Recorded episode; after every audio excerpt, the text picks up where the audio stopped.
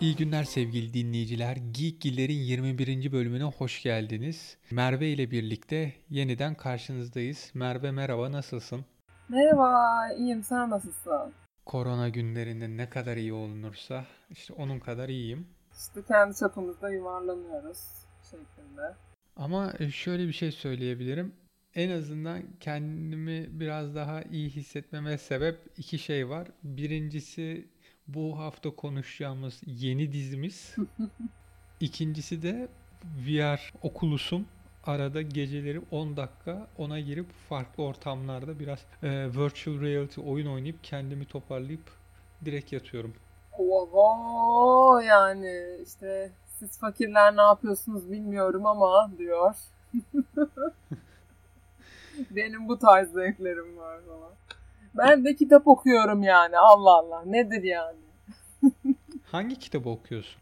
Hangi kitabı okuyorum? Hmm, bu arada işte iki tane kitap okuyorum efendim. Bir tanesi Dostoyevski'ye ait hala bitiremedim çünkü.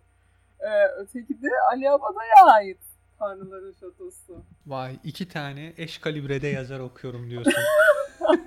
Aynen. çık çık çık çık. Tamam ilk romanım Tanrıların Şatosu ama ya fena değil bence. Yok ya akıyor yani işte. Sağ ol. Yağ gibidir, akar. Yok bu okuyup da hani herkes hızlı okunuyor diyor da o konuda iyiydi. Evet hızlı okunuyor aynen. Bu açıdan ben de eminim öyle olduğuna. Peki o zaman bu haftaki ilk e, dizimize geçiyoruz. Yeni Türk dizisi Blue TV ile FX'in birlikte e, yaptıkları Alef. Ay Netflix'ten baydıysanız ne olur izleyin şunları ya. Blue TV'nin de güzel içerikleri varmış bu arada.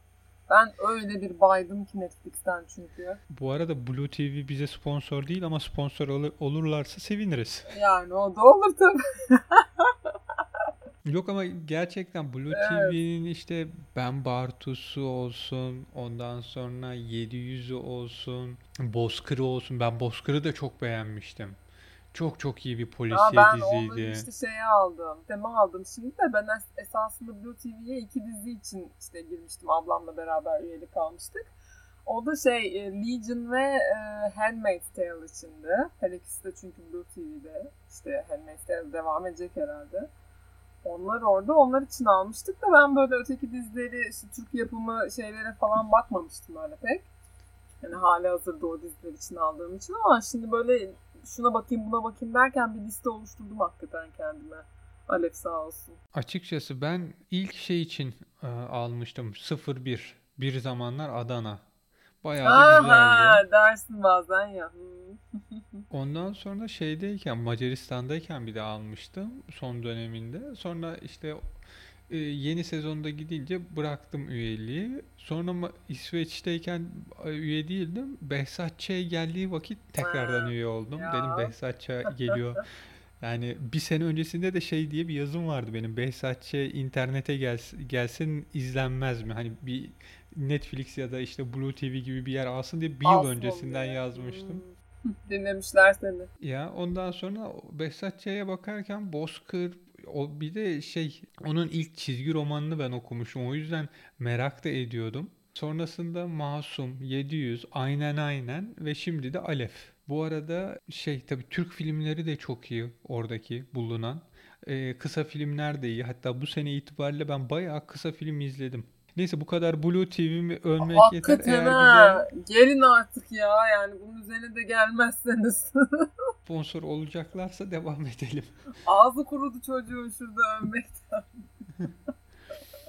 Şimdi Alev polisiye bir dizi. İstanbul'da işte İstanbul Boğazı'nda bir cesedin bulunmasıyla başlıyor. Hazreti İsa'nın doğumu ve vaftiz edilişi sebebiyle Fener Rum Patrikhanesi'nin bir ayini vardır. Fener iskelesine giderek denize haç atılır. Ondan sonra denizden de haç çıkarma töreni yapılır. Orada geçiyor. Ayin düzenleniyor. Denizde haç atılıyor. Ondan sonra bir grup haçı çıkarmak için denize atlıyor. Fakat e, bu noktada işte atlaması gereken çocuklardan biri atlamıyor. Ondan sonra arkasında duran kişilerden biri bunu itiyor. İttiğinde de direkt çivileme girince aşağıda şeyi görüyor. Bir ceset görüyor. E, cesedi hemen işte bir akşama çıkarıyorlar. Cesedin bir travesti olduğu anlaşılıyor. Bu arada Türk plastik makyaj uzmanları yapmış o cesedi. Tamamen plastik. Bence muhteşem yapmışlar. Güzel, güzeldi. Yani her ayrıntısına kadar yapmışlar. Gerçekten güzel yapmışlar. Hani Türkiye'de sinema dünyasında uluslararası düzeyde işini iyi yapan insanlar var. Ha, bulduğun zaman gerçekten çok başarılılar. Neyse bu cesedi bulunmasıyla iki tane dedektifimizle tanışıyoruz. Bir tanesi Settar. Ahmet Mümtaz Taylan'ın hayat verdiği muhteşem bir karakter. Muhteşem kesinlikle. Yani şeyin bütün dizinin 5 yıldızlı 10 yıldızlısı o. Yani biz Settar babacıyız. Settar baba yürü desin yürürüz. Aynen. Valla. O ne derse o. Nokta. Settar Baba'nın yeni bir ortağı var. İngiliz Kemal. Londra'da 12-13 yaşında Londra'ya gidip Londra'da eğitim almış, hayatını Londra'da geçirmiş. Scotland Yard bünyesinde özel suçlar bölümünde çalışmış. Fakat belli bir travma geçirdikten sonra İstanbul'a dönüp İstanbul Emniyetinde görev yapmayı seçmiş ve Settar'la Kemal'in tabi ilk başlarda şeyleri uyuşmuyor. Çok farklı yapılardalar. Fakat işte Settar eski tip bir polis. Zaten emekliliğine belli bir gün kalmış. İş ne kadar sürede çözülür? Çözülür mü hızlı? Çözülmez mi? Suçlularla, eski suçlularla da arası iyi. Hani konuşmak, yardım almak lazım. Her zaman kitaptan gitmeyelim. Çünkü kitaptan gidersen Türkiye'de bu iş çözülmez. Kemal işte yıllarca Londra'da çalışmış. Olay biraz daha farklı. Hani o kendince bilgileri var. O iş- işin teoriğine hakim biri, biri gibi duruyor değil mi? Aynen ama setler ne diyor? Burada şeyleri bilmezsen ayak oyunlarını kalırsın. Yani ayak oyunlarını bileceksin. Burası Londra'ya benzemez. Neyse ve ardından ikinci hani ilk başta dosya bunlara da verilmiyor filan. İkinci bir cinayet işleniyor. Çok alakasız göründüğü halde bir bunlar bir alakası olduğunu hızlıca çözüyorlar.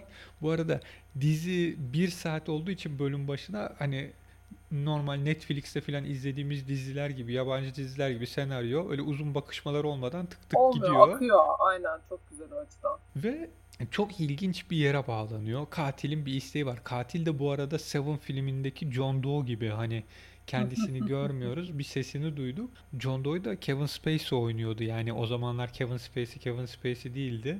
Sonra da zaten Me Too hareketiyle birlikte tamam artık kimse konuşmadı bir- biri ama yani şöyle düşünün. Seven, Kevin Spacey'nin işte Kaiser Soze olan şüpheli Evet. öncesi döneminden. Hı hı. Neyse yani oradaki katile benziyor. Fazla şey yapmayalım. Evet ben başka yerlerde de okudum bu, be- bu benzetmeyi çağrıştırıyor bazı insanlara demek ki. Ve şöyle bir şey. Bir yazarın tefrika halinde basılmış bir romanının Türkiye'deki üç büyük yayıncıdan biri tarafından 10 bin kopyayla basılmasını istiyor. Çok eski yani unutulmuş bir yazar. Bununla ilgili araştırmaya başlıyorlar. Burada da yolları üniversitede öğretim görevlisi olan Yaşar'la yani Melisa Sözen'in Yaşar Hanım. Yaşar Hanım'la e, kesişiyor. Ve ilk iki bölüm böyle. Biz şu an Perşembe gecesi kaydı yapıyoruz. Yarın üçüncü bölüm olacak. Büyük ihtimal siz bunu dinlediğinizde ilk üç bölüm ya da iş yoğunluğuna göre montaj biraz gecikirse ilk dört bölüm yayınlanmış olabilir. evet. Biz ilk iki bölüm üzerinden konuşuyoruz. Hı hı. Doktor ne diyorsun? Yani biz seninle diziyi beğendik de sen şimdi Evet. neleri beğendin, neleri beğenmedin? Nedir? Öv ve göm. Benim. Ee, o zaman şöyle başlayayım. Başta hani biz daha hiçbir şey bilmeden böyle teker teker işte setleri görüyoruz, olay yerini görüyoruz, işte dediğin aynı sahnesi falan filan. Bütün bunlar böyle biraz karanlık, biraz böyle işte gizemli bir ortam yaratıyor falan filan. Onun sonrasında bu katille yüzleştiğimiz zaman yani olayın ne olduğunu üç aşağı beş yukarı anlamaya başladığımız zaman onun altından çıkan hikaye de oldukça gizemli olduğu için ben bütün ortamla e, işin böyle göbeğini diyeyim artık e, çok uyumlu buldum. Yani böyle artistik olsun diye bir gizem yaratılmış gibi durmuyor. Çünkü bazı dizilerde bence duruyor. O yüzden bu o anlamda mesela uyumlu olmuş. Settar mükemmel, muhteşem, muazzam yani gerçekten. Bayağı hasta oldum yani izlerken bayıldım. Çok iyi oyun, oyunculuğu çok güzeldi. Yalnız benim işte yani nasıl söylesem, nasıl daha tatlı söylesem. Kemal'i biraz şey buldum. Biraz böyle hmm, henüz daha belki karakteriyle ilgili çok şey bilmediğimiz için mi birazcık böyle hani bu da böyle bir şey olsun burada dursun gibi konmuş gibi bir karakter gibi geldi bana böyle. Ama zaten setlerin daha çok öne çıkmasını isterim bu arada onu da söylemek isterim de. Çok illa didikleyeceksem mesela didikleyecek çok şey bulurum. Ama yapmak istemiyorum. Çünkü genel hatlarıyla Alef'i bayağı beğendim. Ya şunu söyleyebilirim Kemal'le ilgili. Ha. Esasında ya Kenan İmirzalıoğlu'nun Osman Sınav dışında hangi yönetmenle çalışırsa çalışsın dışına çıkamadığı bir noktası var. Yani Kenan İmirzalıoğlu sert, bağıran, böyle asabi şey bir karakter oluyor. Osman Sınav dışındaki yönetmenlerle hep aynı şekilde oynuyormuş gibi. Anladım. Hani e, şey Keanu Reeves'e de söylerler. Hep aynı yüzle oynuyor adam Evet. derler filan gibi. Ama garip bir şekilde hani ilk onu e, televizyonda Deli Yürek'te oynatan sonrasında da işte birkaç e, şeyde birlikte çalıştı. Osman Sınav'la çalıştığında Kenan İmirzalıoğlu farklı yönleri, farklı oyunculuk stilleri gösterebiliyor. Hmm. Böyle ilginç bir şeyi var, yönü var. Burada yine alıştığımız Kenan İmirzalıoğlu'ndan dışarı çıkmıyor. Fakat Kemal esasında çok sofistike bir karakter. Yani o bir çocuğun Evet. Hayatın Zaten hayaletini görüyor ve o o tamam hikayeyi sonra öğreneceğiz ama orada o çocuğu gördüğündeki yüz ifadesiyle herhangi bir cesedi gördüğünde ya da işte bir şey fark ettiğinde hani bir beklerken falan hepsi aynı. Mimik oynamıyor. Halbuki Kenan İmirzalıoğlu'nun yine Osman Sınav'ın yönettiği uzun hikaye filminde daha iyi bir oyunculuğu vardır. Yani oradaki kimi mimikleri daha farklıdır. Yani oradaki gibi biraz oyunculuğunu biraz buraya taşısa o bir çünkü niye şey ayrımlar çok güzel. Settar rakı içiyor, Kemal viski içiyor. Evet, aynen.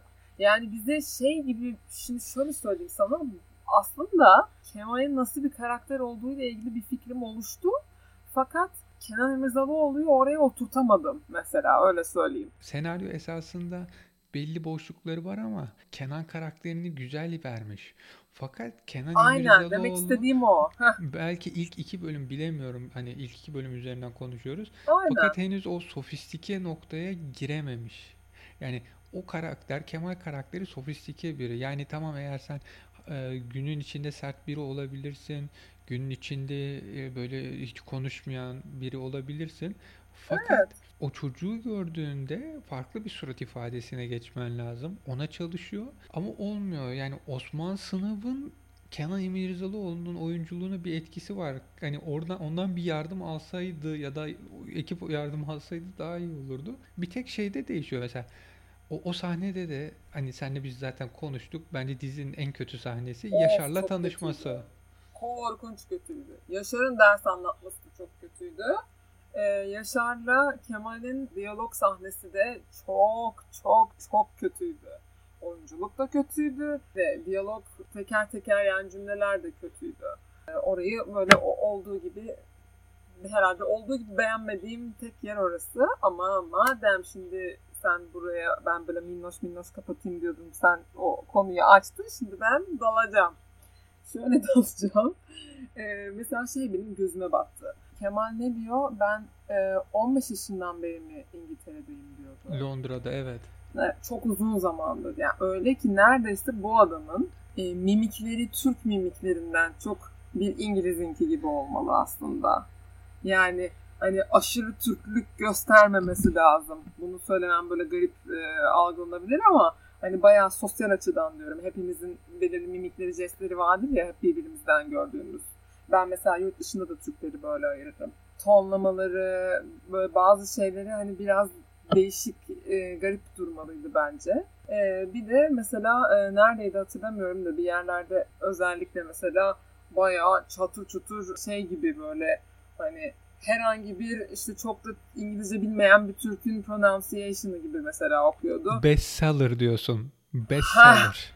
Ha ha işte bak orası. Hani onu söylediğinde böyle öf diyorsun epic fail yani. Hani beni asla inandıramazsın böyle bir e, karakter olduğuna. Hani o oralarda biraz sıkıntı. Bir de hani sadelikten ama keyiften de hoşlanan işte işi kitabına göre e, yapmaktan hoşlanan e, güzel tasnif etmekten hoşlanan, bir takım prensipleri olan bir adam mesela Kemal. Senin dediğinle paralel olarak öyle duvar gibi durmasını istemem yani. Hani e, bazı şeyleri olan dikkatini ya da işte kişisel şeyleri olan reaksiyonunu görmek isterim. E, ama bu tabii ne kadar değişir bilemeyeceğim. Bir de umarım işte Yaşar, Yaşar Hanım'ın replikleri daha normal insan gibi olur. Ya şöyle bir şey diyeceğim. Şimdi sen bir Yaşar ol, ben de Kemal olayım tamam mı? İyi günler Yaşar Hanım. Sizin bir makalenizde bir yazardan bahsedildiğini duydum. Kendisinin bir kitabını aramaktayım. Aa ne tesadüf. Ben de aynı kitabı arıyorum. Ah yollarımız kesişti. Şurada tanışalı 30 saniye oldu ama sevişeceğimize eminim. Eğer mümkünse sizle irtibatta kalmak istiyorum. Kalabilir miyim? Ee, o zaman e, benim şimdi hemen yetişmem gereken bir e, Londra uçağım var. Londra mı? Ben de Londralı sayılırım. Burada Türk polisi olduğuma bakmayın. Sofistike biriyim. Londra. 13 yaşından beri oradaydım. Yeni geldim. O zaman kartımı vereyim. Döndüğünüzde bir çay içelim. Sonrasında da öpüşelim. Sofistike biriyim diyor bir de ya. Alnında yazıyor çünkü. Ya Deniz Gezmiş kap pardüsüsüyle İstanbul Üniversitesi'ndeyim ama polisim ve yani çok eski bir kitabı arıyorum. Sizin onun hakkında yazdığınız bir makaleniz olduğunu biliyorum. Makaleyi okuyamadım. Makaleye nereden erişebilirim? Ya biz diziyi setler için izliyormuşuz. Ay. Ay gerçekten ne biçim bir şeydi o ya. ya çok korkunç bir diyalogtu. Ay korkunçtu valla. Çok saçma sapan. Şimdi başka bir noktaya geçeceğim. Ben mesela Toros canavarına bayıldım. Aa evet o çok güzeldi. Bir de şeye bayıldım ben ya. Sana söylemiştim ya adamın adı karakterin adı neydi? Şu Settar'ın boss'u. Patronu. boss'u. Artık Ha, öyle müdür. Müdür. Müdür, müdür de çok komik bir adam. Çok ilginç bir karakter. Peki başka bir şey soracağım sevgili Merve. Sen Toros Buyurun. canavarı karakterini herhangi son dönemde okuduğun romanlardaki bir karaktere benzettin mi? Benzettiğim efendim. Tanrı'nın Şatosu'nda efendim. E, Ali Abaday'ın yazdığı efendim. E, orada böyle bir kalbimin kırıldığı bir karakter olmuştu efendim. Hüseyin Bayağı karakterim Toros yoksa. evet. Bayağı ona benziyor yani. Ama peki başka bir şey soracağım. Sen gerçi 5'e baktın. Beyaz güvercini elinde tutması da sana bir sembol gibi gelmedi mi? Ha, ha. Doğrudur. Bilmem böyle çok irdelemedim. Ve ayrıca hani kuşlar, güvercinlerden bahsettiği nokta filan. Ben dedim ki direkt yani bir acaba şey mi bu? Kendim çıkarıyor muyum yoksa büyük ihtimal kendi kıçımdan uyduruyorum ama bir Tanrıların Şatosu atma gibi geldi bana. Wow. Ama yani şöyle söyleyeyim. Bir arkadaşım da Black Mirror 3. sezon son bölümü izledikten sonra senin romandan almışlar bu bölümü diye bana dönmüştü. Çünkü ben Black Mirror 3. sezon çekilmeden önce romanı yazıp bas, e, basılmıştı. E, o, o daha büyük bir tesadüf ama hakikaten. Hani e, fikrin olduğu gibi benzeşmesi yani çok acayip dedi. Hani bir karakter okey de o bu, bu nedir yani hakikaten. O çok ilginçti. Neyse kitabımın reklamına da burada son verelim. Ürün yerleştirme. Ben iki şeyi beğendim. Birincisi Alef hani İbranice'nin ilk harfi Evet. Elif yani Elif'in İbrani versiyonu. O atış e, şey güzel nokta. İkincisi hani arka planda dizi katilin esas güdüsü olarak bu İslam'daki ayrı bir görüşün ve hiç Evet. bilinmeyen bir görüşün verilmesi. Yani Kur'an Allah'ın kelamı değildir. Çünkü değişebilir. O yüzden de Kur'an'a göre hareket etmek doğru değildir.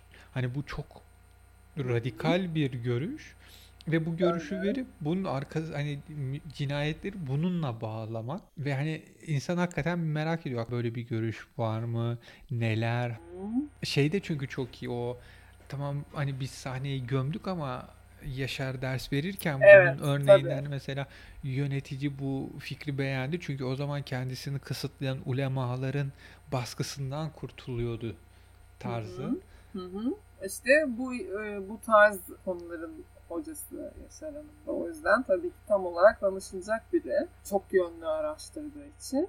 Ben şeyi de sevdim mesela hani ilk kurbanın evine girdikleri zaman böyle değişik bir ortam gösteriyor sana. Hani tahmin edeceğin bir ev gibi değil. Değişik bir böyle tam anlamaya çalışıyorsun. Burada yaşayan kişinin enteresan bir takım eğilimleri varmış gibi. Onu da böyle hani yansıtmaları benim hoşuma gitmişti. Bir takım Ya. zıtlıklar da var mesela.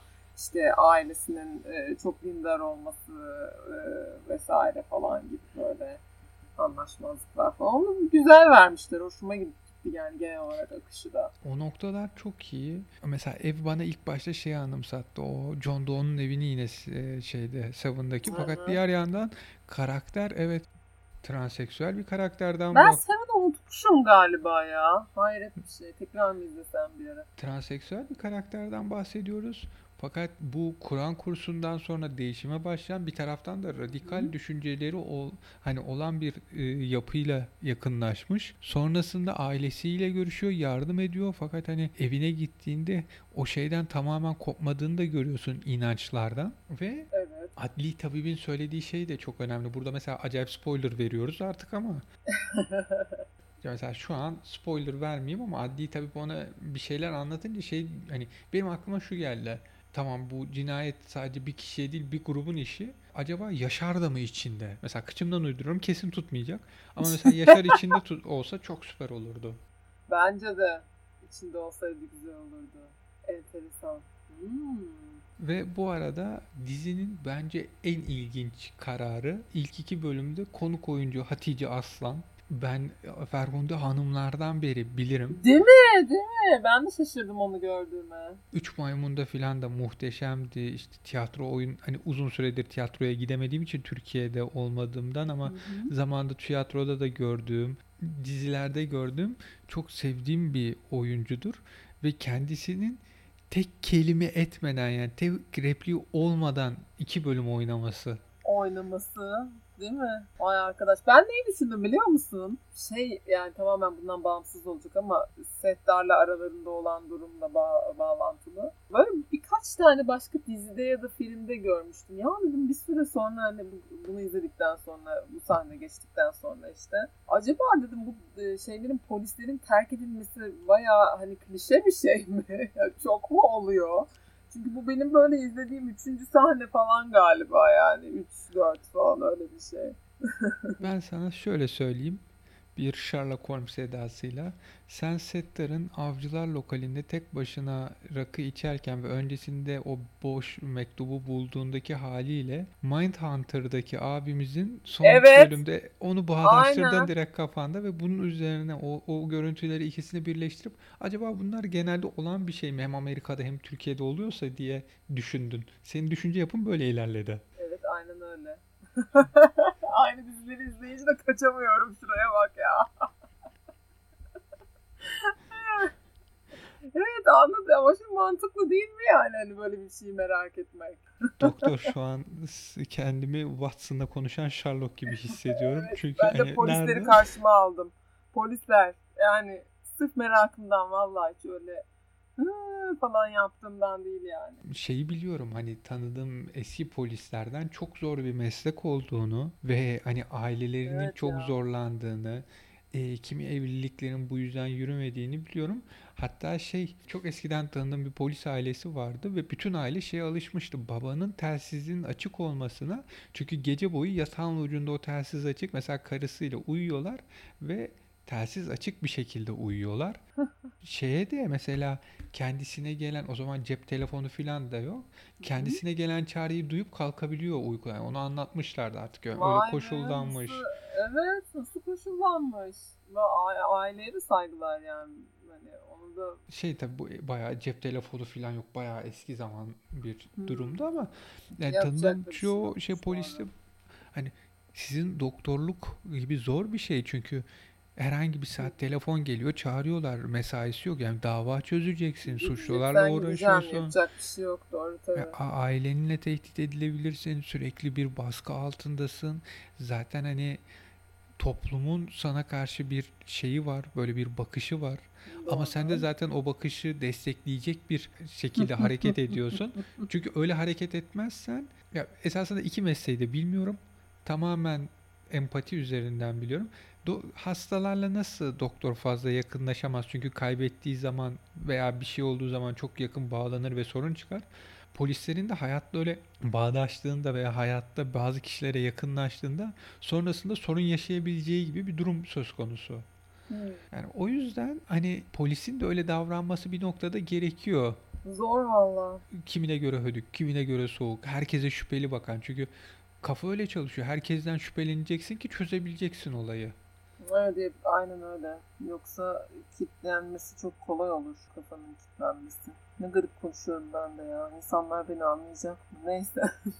Neyse Blue TV'nin yeni dizisi Alef üzerine ilk iki bölümü izledik. Özellikle Ahmet Mümtaz Taylan'ın oyunculuğundan biz diziyi çok beğendik ama alt plandaki... Canımsın Ahmet abi ya. Müthiş müthiş. Öpüyorum. Ya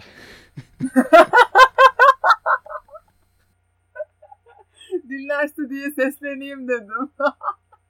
bizim dinleyicileri öpüyorsun üstüne Ahmet abiyi. Vallahi bulaş herkese ayrı. korona bulaştıracaksın. ona ayrı ona ayrı. Aa lütfen. Ahmet abi dehşet ya. Çok güzel oynamış. Bayıldım. Sevdim de setleri çok. Ya ben şeyi hatırladım. Şimdi saygılar öpüyorum deyince ölümlü dünyanın tanıtım fikirlerinde şey diyorlar. Biz bir yemek şey olalım ve yemek ısmarlayanlara oyuncular götürsün. Hani mesela pide ısmarlıyorlar. Ahmet abi götürüyor. Ahmet abi, şey, Ahmet Mümtaz Taylan da şey demişti o da. Ben kana gitmiş ödüllü bir oyuncuyum. Yani pide mi götüreceğim film tanıtımı için gibi.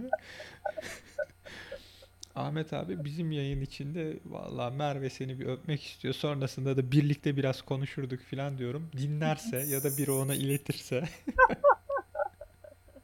Ya ben afişlerini çok beğendim bu arada Alef'in böyle. Herkes çok böyle badass duruyor ya. Yok bayağı iyi. O afiş de çok hoş olmuş. Evet. Alef'in her açıdan işi iyi. Çok güzel yapmışlar. Dediğim gibi bir tek o Yaşar'la Kemal'in tanışma sahnesi sırıtıyor. Kemal'in İngilizcesi sırıtıyor. Bir de Kemal'in tamam polislikle ilgili bir şey demiyorum. Fakat evinde kendi başına olduğu noktalarda işte ne bileyim balkondayken mutfağa girdiğinde şu bu yüz ifadesini biraz değiştirebilse tam olacak. Vallahi öyle. Keşke Cuma olsa da izleseydik yani. Canım çekti şimdi.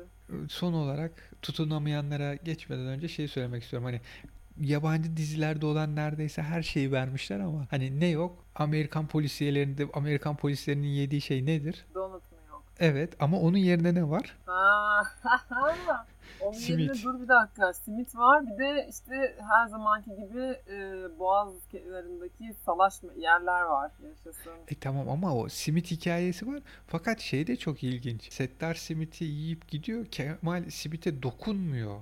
Hani çayı içiyor. O kadar övülen simite dokunmadan orada masada bırakıp gidiyor. İşte. Londralıymış. Türk'üm diyor, Londralım diyor. Ağız tadı yok, mahvetti her şeyi. O simit ya. Bulamayanlar var onu ya. Ya ben Budapeşte'deyken gelene diyordum bazen simit getirsenize diye. Canım çekiyordu. Ben İsveç'te simit sarayı bulduğumda çok mutlu olmuştum da Aa, burada yok. Doğrudur. Mutlu olur insan. Evet. Alef'i izleyin diyoruz. İzleyin, izleyin. Biz izleyeceğiz. Fakat bu bir internet dizisi yani televizyonda yayınlanıyor olsa da televizyonda gerçek haliyle yayınlayamazlar maalesef. Yani ne o Ha, plastik cesedi verebilirler, cesedi tam görüntüsünü verirler. Ne kimi sahne Alkolü ses vermez. sahneler. O yüzden maalesef. Klasik bölümümüz tutunamayanlara geçiyoruz. İki bölümü birden değerlendireceğiz. Zaten. Koronavirüs nedeniyle de sonrası yok. Yani şu an Sonrası çekim yapılmıyor. ya. Biz de Instagram'dan oyuncularla yapılan röportajları dinliyoruz. Şey yapıyorlarmış şimdi. Nedir o? Tutamayanlar online mıydı? Öyle bir tane. Şimdi bu yeni e, çekilecekleri öyle bir isim vereceklermiş. Her oyuncu dezenfekte edilmiş bir e, mekanın içinde e, birkaç tane kamera önünde önünde laptop açık iken oynuyor diye gördüm ben. Ama nasıl bir, bir, bir şey olacak? Bir tür hani videolar serisi gibi mi olacak yoksa bir akışı olacak mı merak ediyorum yani. Enteresan, eksperimental şeyler deneysel. Ya şöyle bir şey var. Saturday Night Live evden yaptılar. Hani Tom Hanks Ama o yapılır filan. işte yani. E, Bak, Jet yapılır. Jet Sosyete belli bir noktayı evden çekti. İşte herkes evden bir bölümü evden yaptı. Hani herkes evde kamerayla çekti Ama bir montajladılar bölüm olur öyle ya. Ne kadar yapabilirsin ki devamlı böyle? İnsan bayar işte bence. gitmez yani. Bir bölüm iki bölüm en fazla. Ha, aynen. Bunu merak ediyorum o yüzden. Hani o kadar uğraşmışlar. Çünkü evde çekmiyorlar bunu. Bayağı sette çekiyorlar. Ama bir mekanda bir oyuncu var. O şekilde çekiyorlar. Hani o yüzden birazcık böyle İlham abiyle Tarık yan yana gelmeyecek. Hani aynı Evet sahnedeler, işte yani, e, karşı hani karşıya konuşuyorlar. Yan yana hiç görmüyoruz. Sürekli karşı karşıya, sürekli karşı karşıya. Hı hı. Onunla ne kadar gideri var bilmiyorum. O yüzden deneysel dedim. Yani böyle bir şey deneyecekler ama biz ne kadar alabileceğiz onu bilmiyorum. Göreceğiz yani. Neyse biz ya olanları konuşalım ya. Şimdi 12. bölüm Tarık kan ağlar. Ay çok... ben bir şok oldum ilk başta. Hani geçecek zannettim. Bayağı bölümün olayı Tarık'ın kan ağlaması olabilecek gibi gelmemişti bana tabii. ha, bu arada yeni bir şey çıktı bu İlhan'ın arkasından konuşan kim olduğunu bilmediğimiz bir ses çıktı piyasaya. Onun hakkında ne düşünüyorsun? Bence İlhan'ın arkasından konuşan ilk ses o işte şeydi yalan makinesine gireceği zaman hatta ilk yüksek konseye çağrıldığı zaman şey olan arkadaşı olan onun grubundan biri. İlk o fakat sonradan şeyde gerçi o 14. bölümde bir fake yediğini anlıyoruz. Onda zaten şey İmtiyaz Bey olduğu ortaya çıkıyor. Anlaşılıyor. Aha. Fakat İmtiyaz Bey'in bir anda kaybolması da ilginç. Tamam helyumu balonlardan almış çünkü yer- yerde ba- balonlar Balonlar var. Tamam bulunuyor, uçan evet. balon ha, onu çöz- anlıyorsun zaten az buçuk da. Yani Nasıl İmtiyaz'ın da güçleri mi var mı yok mu Var ayrı. değil mi? Ama şey güzeldi yani işte Tarık'ın o kan ağlaması üstüne bir anda popülerleşmesi, Tarık'ın havalara girmesi filan. Dizinin hem yönetmeni hem senaristi Osman Nail Doğan'ın kendini oynar tarzda bir sahnesi. Hani yönetmen geliyor yönetmene poz ver filan. İşte Güzel dolu. Hakkı Bulut'un çıkması çok iyi. Ama bence bak tüm 12. bölüm içinde en sevdiğim iki sahne. Birincisi Vildan'la Küçük Prens'in karşılaşması, tanışması O ve kadar güzeldi ki o sahne. Ben de bayıldım ona. Küçük Prens'in onu anlaması. Yani o çok iyi bir sahneydi. Bence de. İkincisi de abinin Tarık'a tokadı ve öncesinde eylemle konuşması. Of değil mi? O neydi ya Fehmi'nin. Onu diyorsun değil mi? Ne tokat çaktı ama Tarık'a hakikaten. Bir şey de diyemedi Tarık. Öyle kaldı. Kimse hiçbir şey demeden. Evet ya güzeldi o hakikaten. O iki sahneye bayıldım. Genel olarak iyiydi. Ama bu iki sahneyi sevdim. Temizlik zaten klasik hani anne geldim evin temizliğini hiç beğenmez. Tekrar temizleyelim şu bu. Mahcubiyet falan değil mi böyle? Evdeyken senin annen gelince ay işte senin gibi olmuyor falan. Ya bir de şey var şimdi 12'nin sonunda şey lafı güzel hani birbirimize bakmayalım birlikte bir yere bakalım. Evet. Çok güzel Evet ben sevdim orayı. Bir de Leylim Ley falan da çok tatlıştı.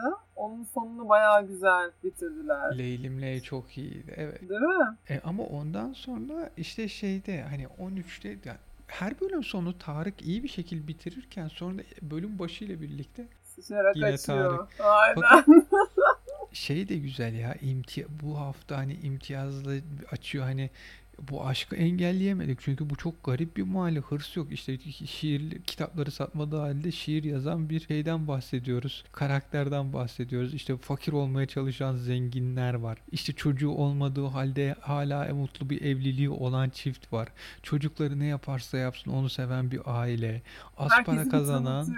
Evet. şunu fark ettin mi? Bu mahalledeki sayılan karakterler içinde tabii ki şeyin hiç oturmadan hiç oturmadığı için herhalde çıkarıldığı eski rektörümüzün Evet. Hicabi Doğru. abinin Doğru diyorsun. Onda aynı özellik yok dediğin gibi.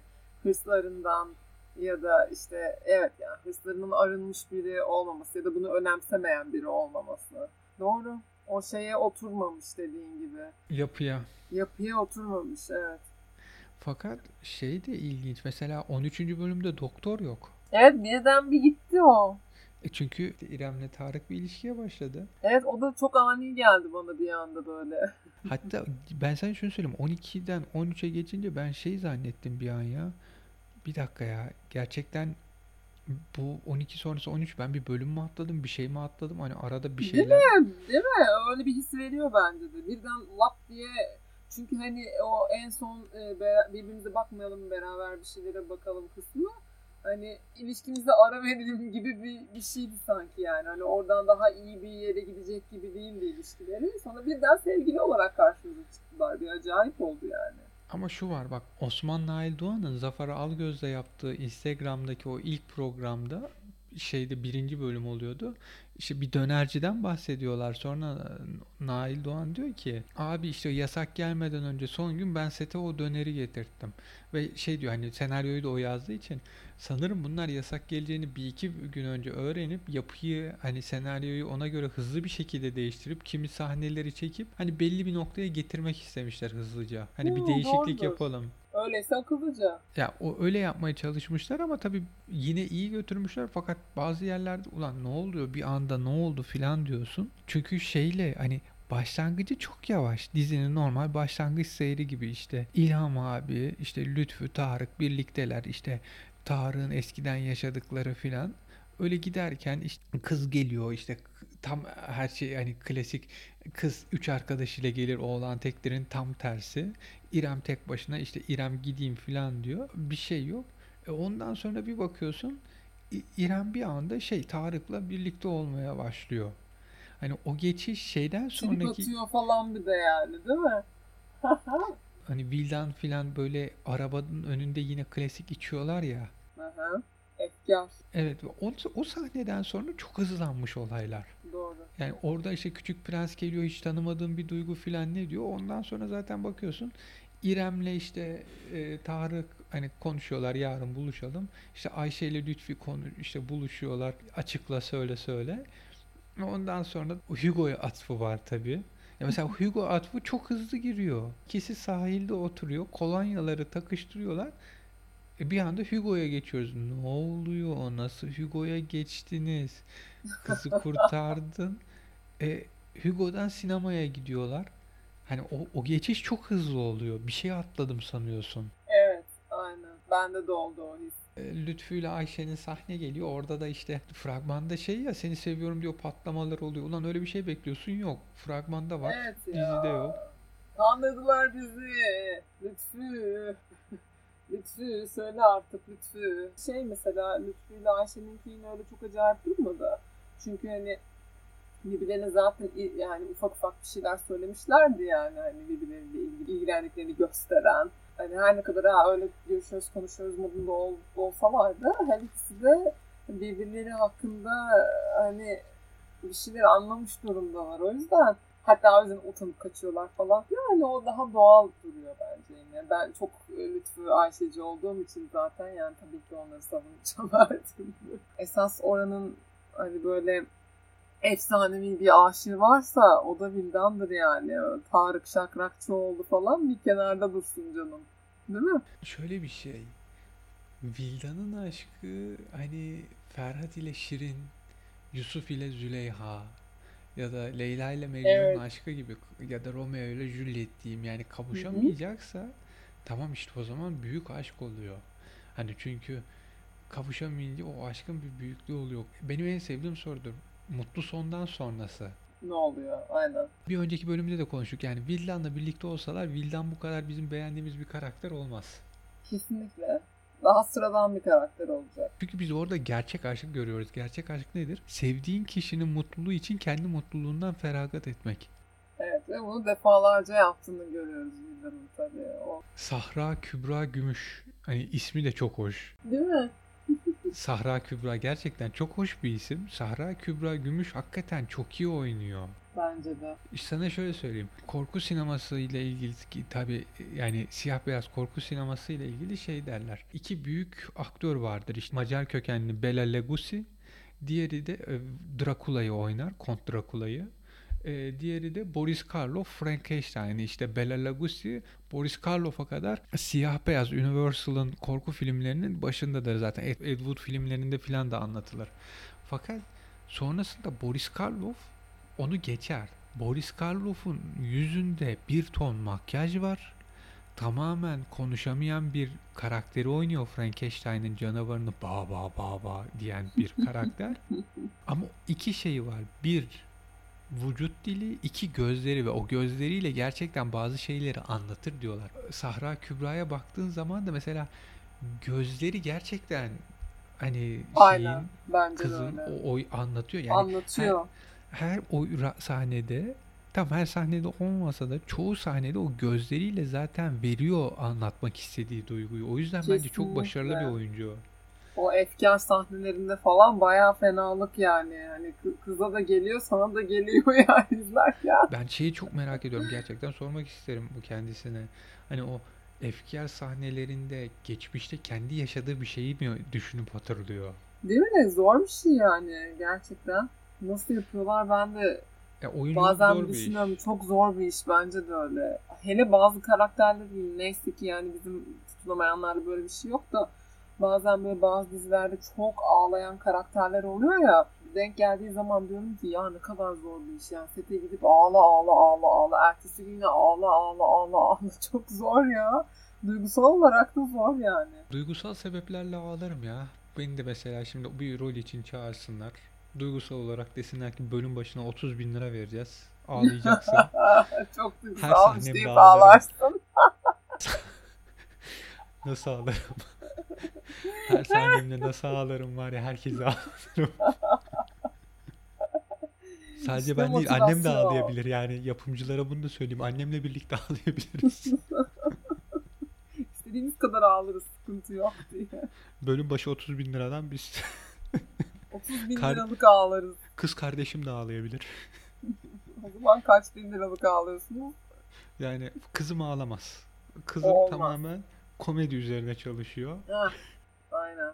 Kızın kırmızı çizgili bir kere olmaz. O onu ağlatmayız tabii ki. Bebişim benim. Yani tutunamayanlarda bir değişim var. Epey zamandır giden bir değişim var. Ama ben tutunamayanların o değişime başladığından beri hep aklımda e, Levent Kazak'ın şeyi geliyor. Gülen Ayva Ağlayanlar. Bu Levent Kazak'ın senaryosunu yazdığı bir diziydi. Star TV'de o zaman Star TV acayip yerli dizi yaptırıyordu. O dizi aklıma geliyor. Çünkü şöyle bir şey vardı. Bir noktadan sonra dizi bayağı böyle absürt ve sürreal bir noktaya gitmişti. Yıllar sonra Levent Kazak, Bülent Kayabaş, rahmetli Bülent abinin ölümü üzerine bir yazı yazdı ve şeyden bahsetti. Hani ilk tanışmaları ve bu diziyi birlikte yapımcı olarak yapmaları, neler yaşadıkları falan. Orada dedi ki ya bir noktada para gelmemeye başladı kanaldan. Yani Star TV'de işte Cüneyt Arkın'ın e, polis dizisinde para gelmediği için işte uzanları dövdüğü söylentisi geliyor falan. Hani öyle bir dönem. Bize para gelmiyordu ve para yok, süreklilik yapamıyorum, devamlılık olmuyor. Ben işi tamamen şeye buldum, sürreel bir noktaya vurdum senaryoyu yazarken ki öyle götürebildim bir nokta bir Hmm. zaman daha diye. İlginç. Bana da artık öyle geliyor. Yani bir tamam süreklilik var, şeydeler, aynı mahalledeler. Tamam konu belli ama karakterlerin girişi çıkışı, karakterlerin yaşadığı değişimler, kimi karakterlerde yeni or çıkan özellikler sanki ya senaryo daha önce de söylediğim gibi senaryoda bazı değişiklikler istendi ve temelde belirlenen hedeften biraz sapıldı ya da prodüksiyon maliyetleri nedeniyle belli şeyleri değiştirelim dediler. Belli karakterleri çıkaralım, şu yapıya gidelim. Hani öyle bir değişim oldu gibi geliyor. Olabilir ki bence ikinci seçenek daha uygun bir sebep gibi geliyor. Olabilir yani canım. En son mesela şeyi görmedik. E, Fehmi abi doğru düzgün görmedik ama işte çok e, saçma bir şekilde ki yani tamam absürt komedi tabii yani. Ama yine saçma bir şekilde bizimkiler e, abla kardeş paralarını kaybettiler falan.